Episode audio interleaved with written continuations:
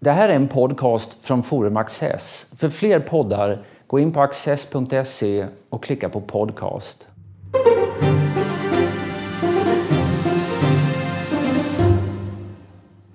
Hjärtligt välkomna till Studio Access. Eh, dagens ämne är ett snabbt föränderligt medielandskap och om många och eh, ibland ganska dråpliga förändringar ska jag tala med Olle Lidbom som är medieanalytiker. Man kommer i kontakt med dig på Mediepodden, på bloggen Vassa äggen och någon gång emellanåt till och med i tidskriften Access. Varmt välkommen. Tack så mycket. Du är aktuell med en bok som heter 101 händelser som förändrade medie-Sverige. Eh, som är en mycket rolig läsning kan jag säga och eh, många glada igenkännanden här från eh, märkliga historier under de gångna decennierna. Det är väl ungefär de senaste 20 åren det, det handlade om. Hur valde du ut de här 101? Jag, eh, jag kände att det började egentligen i andra ändan. Jag ville försöka beskriva vad som har hänt med medielandskapet sen millennieskiftet. För millenn vid millennieskiftet så hände det någonting väldigt avgörande. Det var att mer än hälften av alla svenskar hade tillgång till bredband och därmed var uppkopplade. Jag satt och liksom försökte beskriva det där på något sätt. Jag hade väldigt svårt att hitta den där stora storyn. Liksom. Den genomgripande berättelsen som förklarar allt det här. Så tänkte jag, om jag bryter ner det i molekyler, mm. då kanske jag får syn på någonting. Eh, och så är det roligt att skriva också, kort. Eh, I den här boken så är ju det är 101 händelser och jag tror att den längsta händelsen är skriven på tre sidor. Så det är ju ganska korta nedslag i historien. Ehm, och sen så gjorde jag, började helt enkelt baklänges. Vilka är de stora affärerna som har gjorts mm. de här senaste 20 åren? Och det finns ganska många stora affärer och de flesta har varit dåliga. Så ja. det var liksom, jobbade jag mig vidare därifrån och, och försökte hitta också någonting som i alla medieslag egentligen. Som, som har... För det ska man väl också säga då att det är så att säga en, en bok om branschen och händelser som har påverkat branschens struktur och, och, kultur. Det är inte en historia om de 101 största skopen under den här perioden så att säga, utan tanken är att det är sånt som leder till förändring i hur medierna eh, fungerar. Okej, okay, du sitter där sen, du har 101 molekyler. Eh, fick du syn på en helhet då också? Ja, det tycker jag. Och den stora eh, förändringen under den här tiden det är ju hur mediemakten har förflyttats. Och det har väl att göra med att barriärerna för att bli en medieaktör idag är betydligt lägre än de var för 20 år sedan. Då krävdes stora tekniska investeringar i en tv-mast, eller en radiomast eller tryckpressar, stora redaktioner reproavdelning och grafiker som satt och typografer som satt och liksom gjorde ordning papperstidnings, inför papperstidningstrycken. Och med det som har hänt under de här 20 åren så har alla de här tekniska barriärerna har försvunnit och det har gjort att vi har fått helt nya aktörer in i mediesverige som inte fanns där tidigare. Eh, och det tycker jag blev ganska tydligt när man började titta nästan på varje medieslag så är det den förändringen som har liksom drivit fram dåliga beslut, dåliga affärer, nya företag, nya stjärnor som kommer fram, en ny sorts publiceringar och, och så vidare. Eh, och så det, det, det, tycker jag då är den här mediemakten som tidigare låg hos de stora medieföretagen och som idag har förskjutits mycket mer till små medieaktörer. Hur tycker du att de stora företagen har klarat den här eh, digitaliseringen? Om du ska ge en sorts betyg. För det blir digitaliseringen som blir väldigt mycket det som är en gemensam nämnare för alla branscherna. Ja, eh, de flesta har ju haft det väldigt svårt. Eh, om man tar de stora medieföretagen på 1900-talet som Bonnier har ju eh, liksom monterats ner under den här perioden. Eh, nu sitter vi här idag och de har förvisso köpt lokaltidningar men annars har de ju sålt av SF eh, Bio, de har sålt av TV4 eh, och på olika sätt liksom avlövat sig och är ett mycket mindre företag än de var för, för, för 20 år sedan. Eh, och de egentligen som har klarat sig bäst hittills är ju Schibsted och de här stora mediedrakarna och de är ju också med i boken är för att de köpte Blocket. Och det har ju varit eh, deras smala lycka får man säga. Det var en, ett väldigt bra förvärv som man gjorde och som också har bidragit med väldigt mycket pengar till Schibsted som har gjort att de har kunnat återinvestera i journalistik och journalister och eh, modernisera det klassiska Och expandera annan Blocket-liknande verksamhet ja, eh, världen över. Så att säga. Ja, men, det, och det, har ju, det är en sorts sedelpress för all den här fina publicistiken som de skryter med. Alltså, ska man tala just om Schibsted så var ju även Aftonbladet då en, liksom en first mover när det gällde eh, digitalisering och att vara aktiv på nätet och ta rätt stora kostnader på nätet. Det, det betalade sig att vara tidigt ute. Ja, och så ser det ut. Det skriver jag inte om i den här boken, men tittar man utomlands så är det så det ser ut på nästan alla eh, europeiska marknader. Att den som är marknadsledande på nätet är den första. Det är ganska sällan som den som är tvåa in på marknaden har blivit störst. Aftonbladet var först i Sverige och var också en av de som investerade genom lågkonjunkturen, när IT-kraschen runt eh, millennieskiftet. Där fortsatte man att investera pengar fast mm. det var, man hade inga pengar. Eller man, allting annat skalade man ner. Men man, man bestämde sig för, man hade eh, tjatiga chefer som sa vi måste få göra det här och Schibsted lät dem hållas. Och det var ju också ett, där fick de också ett väldigt försprång som har, håller sig än eh, in i, idag. Du säger att den karaktäristiska händelsen är att, eh, så att säga, eh, trösklarna in på marknaden har sjunkit väldigt mycket.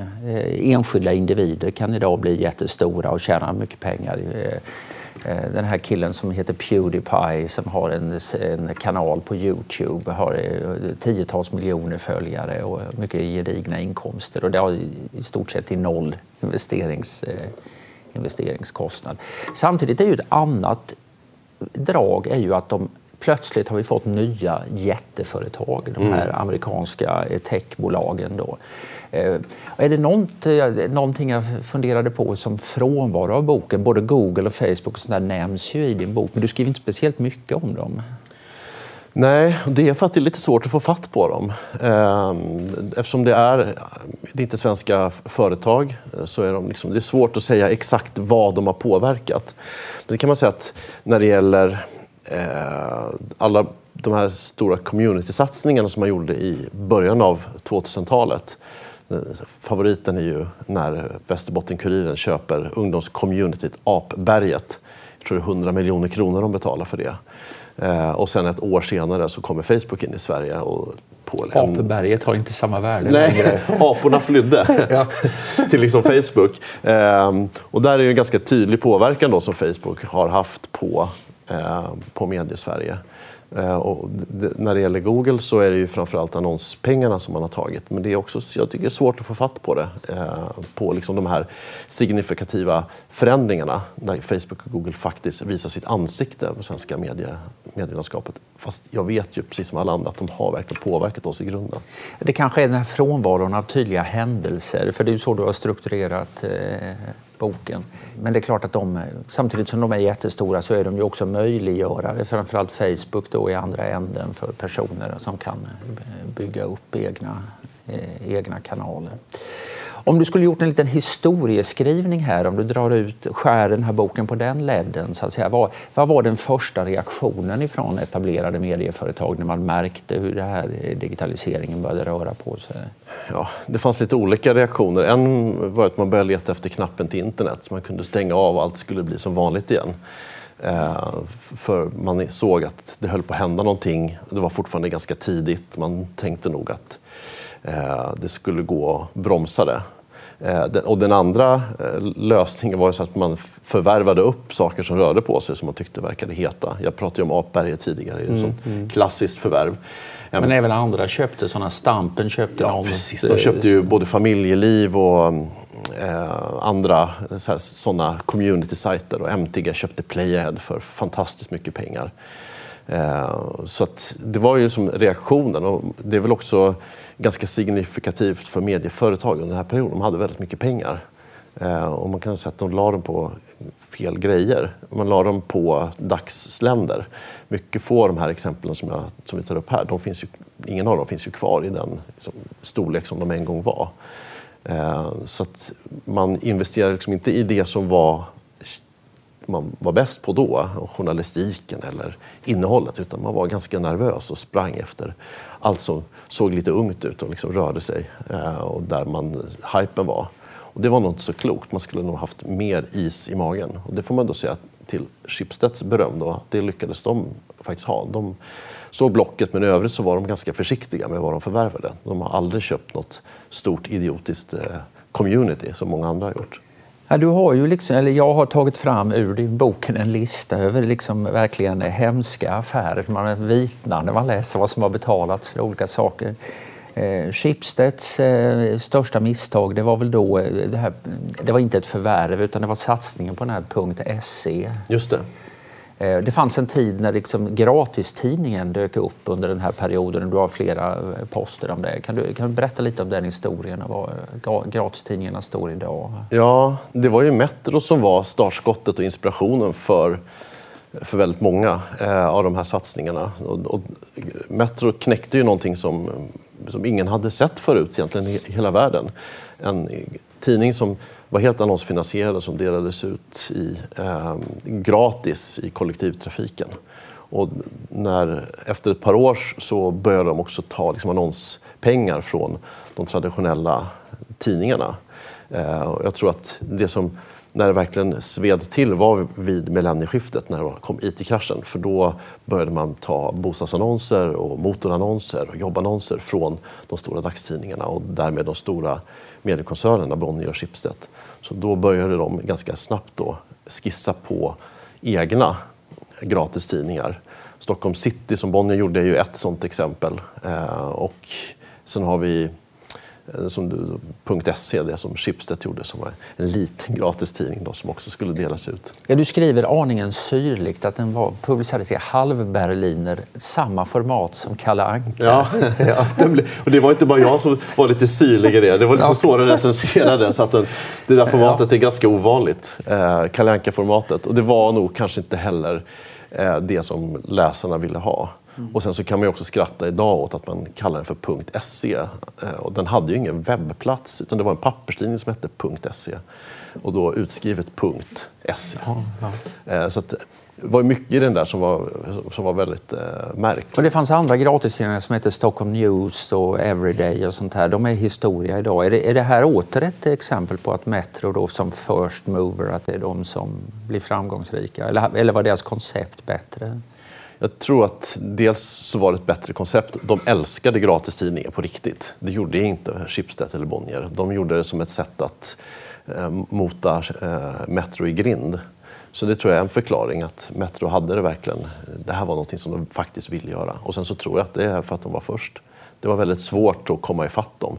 De hade liksom eh, etablerat sig på marknaden. Det var det naturliga valet när man gick ner i kollektivtrafiken eller satte sig på bussen. Mm. Eh, så det var väldigt svårt att komma ifatt. Men sen kan man ju säga att idag så är, ju, är ju Metro en forna skugga av sig själv. Och det är ett av de sista kapitlen är, i boken handlar ju om när Mats Kviberg köper Metro och äger, jag tror att han äger det 100 dagar och det kostar honom fruktansvärt mycket pengar och prestige. Ja, det är en av de mer dråpliga historierna i, i, i den här boken. Är det den döende genren nu? Gratistidningen? Ja, så tycks det ju vara i alla fall. Eh, det finns ju ingen som gör det framgångsrikt längre. In, inte heller de här som delas ut eh, med posten. Eh, Mitt i-tidningarna heter de bland annat i Stockholm. Mitt i-tidningarna finns ju kvar. De har ju förvärvats av Segula, ett riskkapitalbolag. Mm. Och sen Segula tog över har de gjort totalt 400 miljoner kronor i förlust efter att ha varit mm. Sveriges mest lönsamma företag under hela 2000-talet. Om det är Segulas fel eller om det är gratistidningsmarknadens fel låter jag vara osagt. Sen finns det ju en konkurrent där i direktpress. Eh, och de är inte alls lika eh, förlustgivande som, som eh, mitt i tidningarna blivit. Men det är inte så att eh, någon där har eh, som framgångsformel eller hittat det rätta receptet. Det är rätt knepigt för alla gratistidningar. Det blir ju ett väldigt fokus på det tekniska här och liksom distributionsmetoder inte minst. Eh, vad kan man säga om journalistiken då? Om vi nu talar den... Du, du diskuterar ju även bokförlag och sånt här, men om vi tittar på eh, pressen. Eh, vad har varit framgångsrikt och vad har inte fungerat? redaktionellt?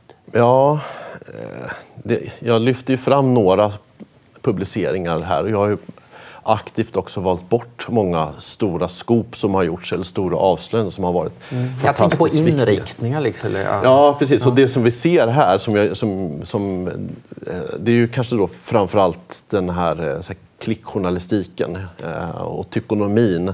Det är antingen där du har väldigt sensationellt eh, paketerat innehåll eller att du har väldigt så tyckdrivet innehåll. Sen tycker jag ju personligen att det finns ju mycket som tyder på att vi har en bättre journalistik idag än vad vi hade för 20 år sedan. Lite svårare att leda i bevis. Men, Men vilka skulle ge ett par indikationer på det vara? Eh, ja, jag, jag, tycker ju att vi har fler avslöjanden idag till exempel. Som, och mycket mindre personfixering idag än vad vi har tidigare. Under den här perioden så är det ju, man jagar väldigt mycket kändisar till exempel. Och det är mycket fokus på det. Och idag du är lite inne på att det får ett en sorts, luften går ur det lite grann med några förtalsmål. Ja, ja. Det, det, är någonting som händer där när eh, eh, Micke Persbrandt då får hjälp av JK eh, och åtala Expressens chefredaktör mm. eh, och, och får honom fälld.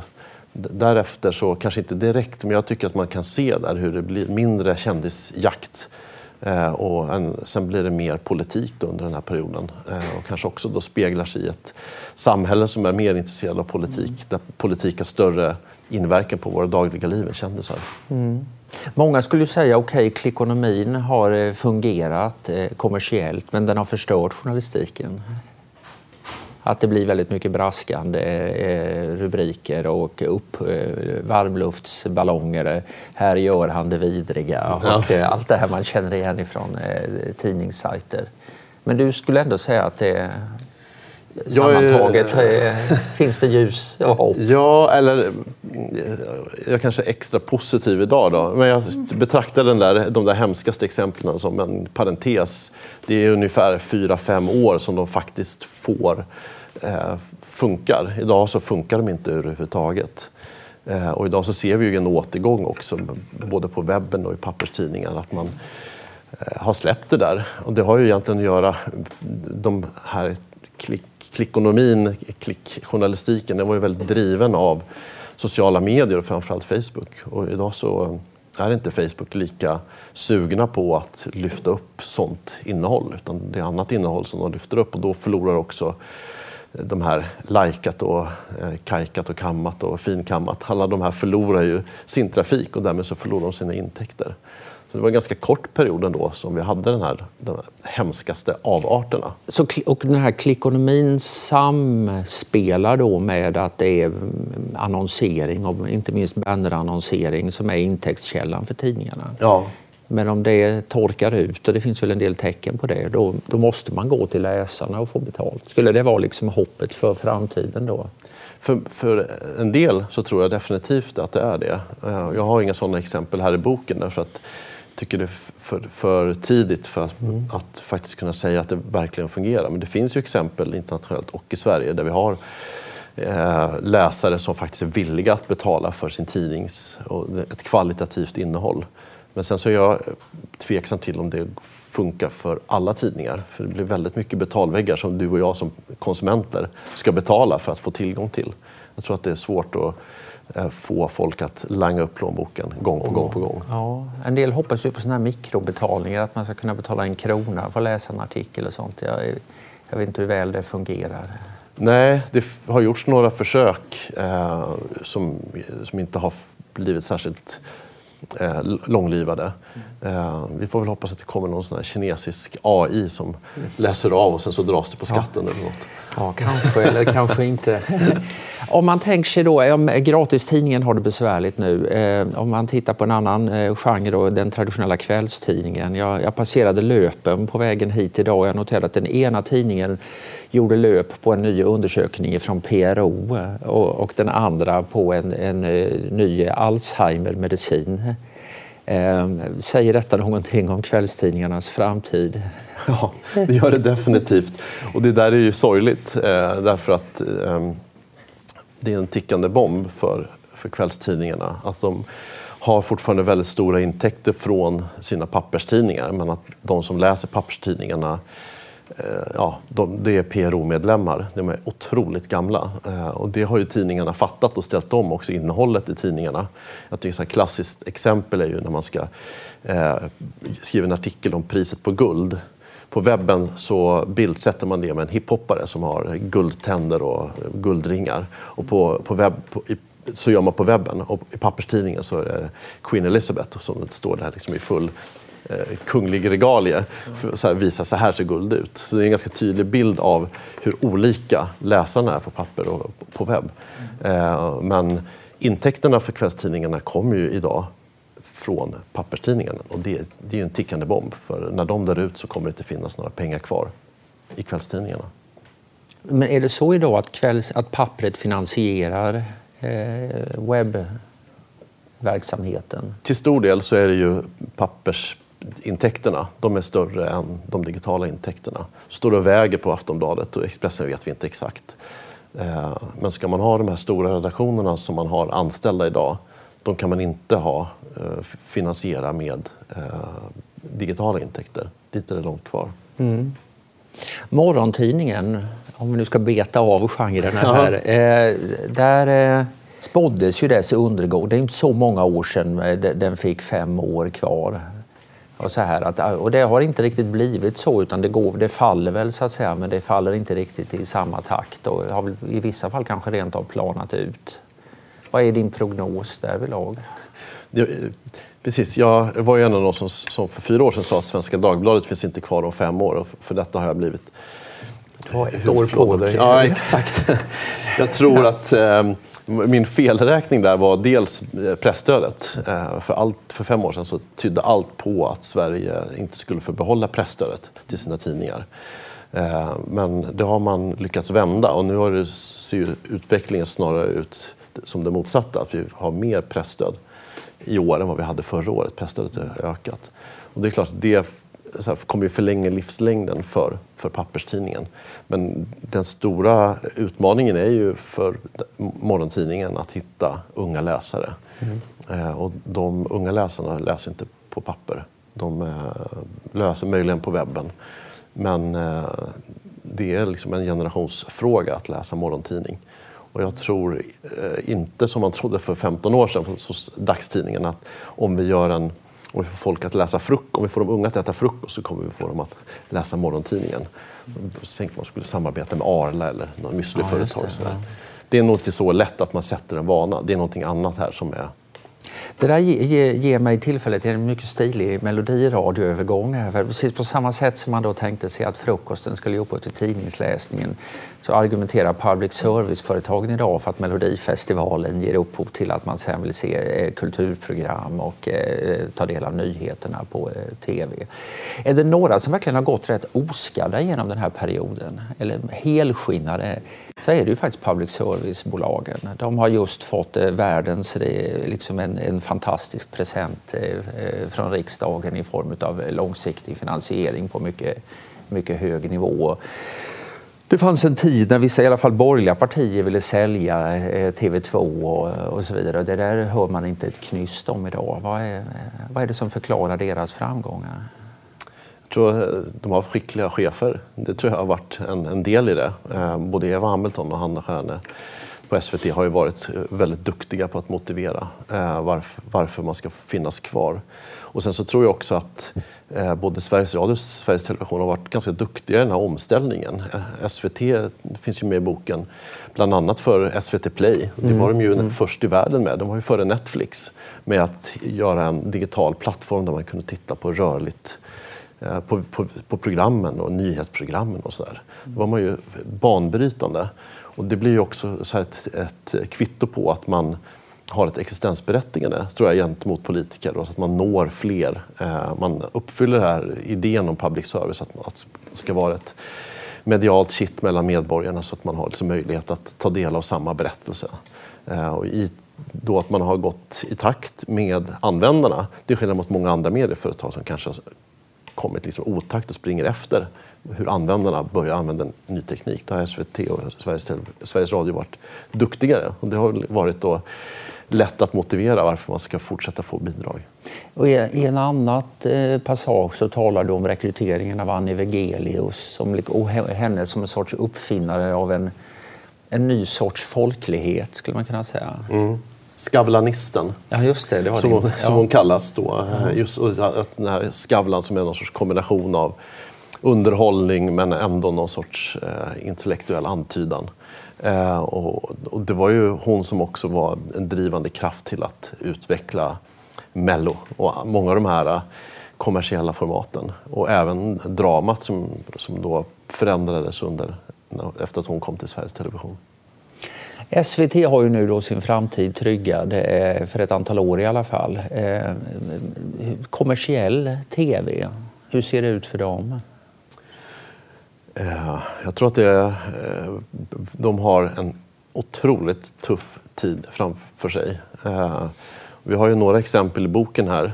Seymour till exempel, som Bonnier köper. Och det är väl ett av de mest otajmade och dyra förvärv de gör. Och då ändå listan över dyra och otajmade förvärv. Många i den här boken som, från Bonniers sida. Men där har man ju bränt ner otroligt mycket pengar. Eh, och, och, det har egentligen räddats upp av att TV4 har varit väldigt lönsamt. Mm.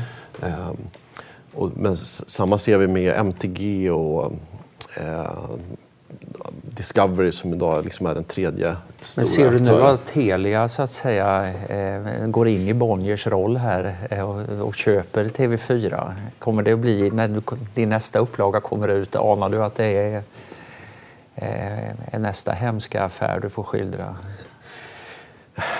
Ja, det beror lite på hur, hur man hanterar journalistiken, tror jag. Men återigen så är det en tickande bomb för tv-kanalerna är att de är väldigt beroende av sina tablåsändningar och de som tittar på tablåsändningar blir allt äldre.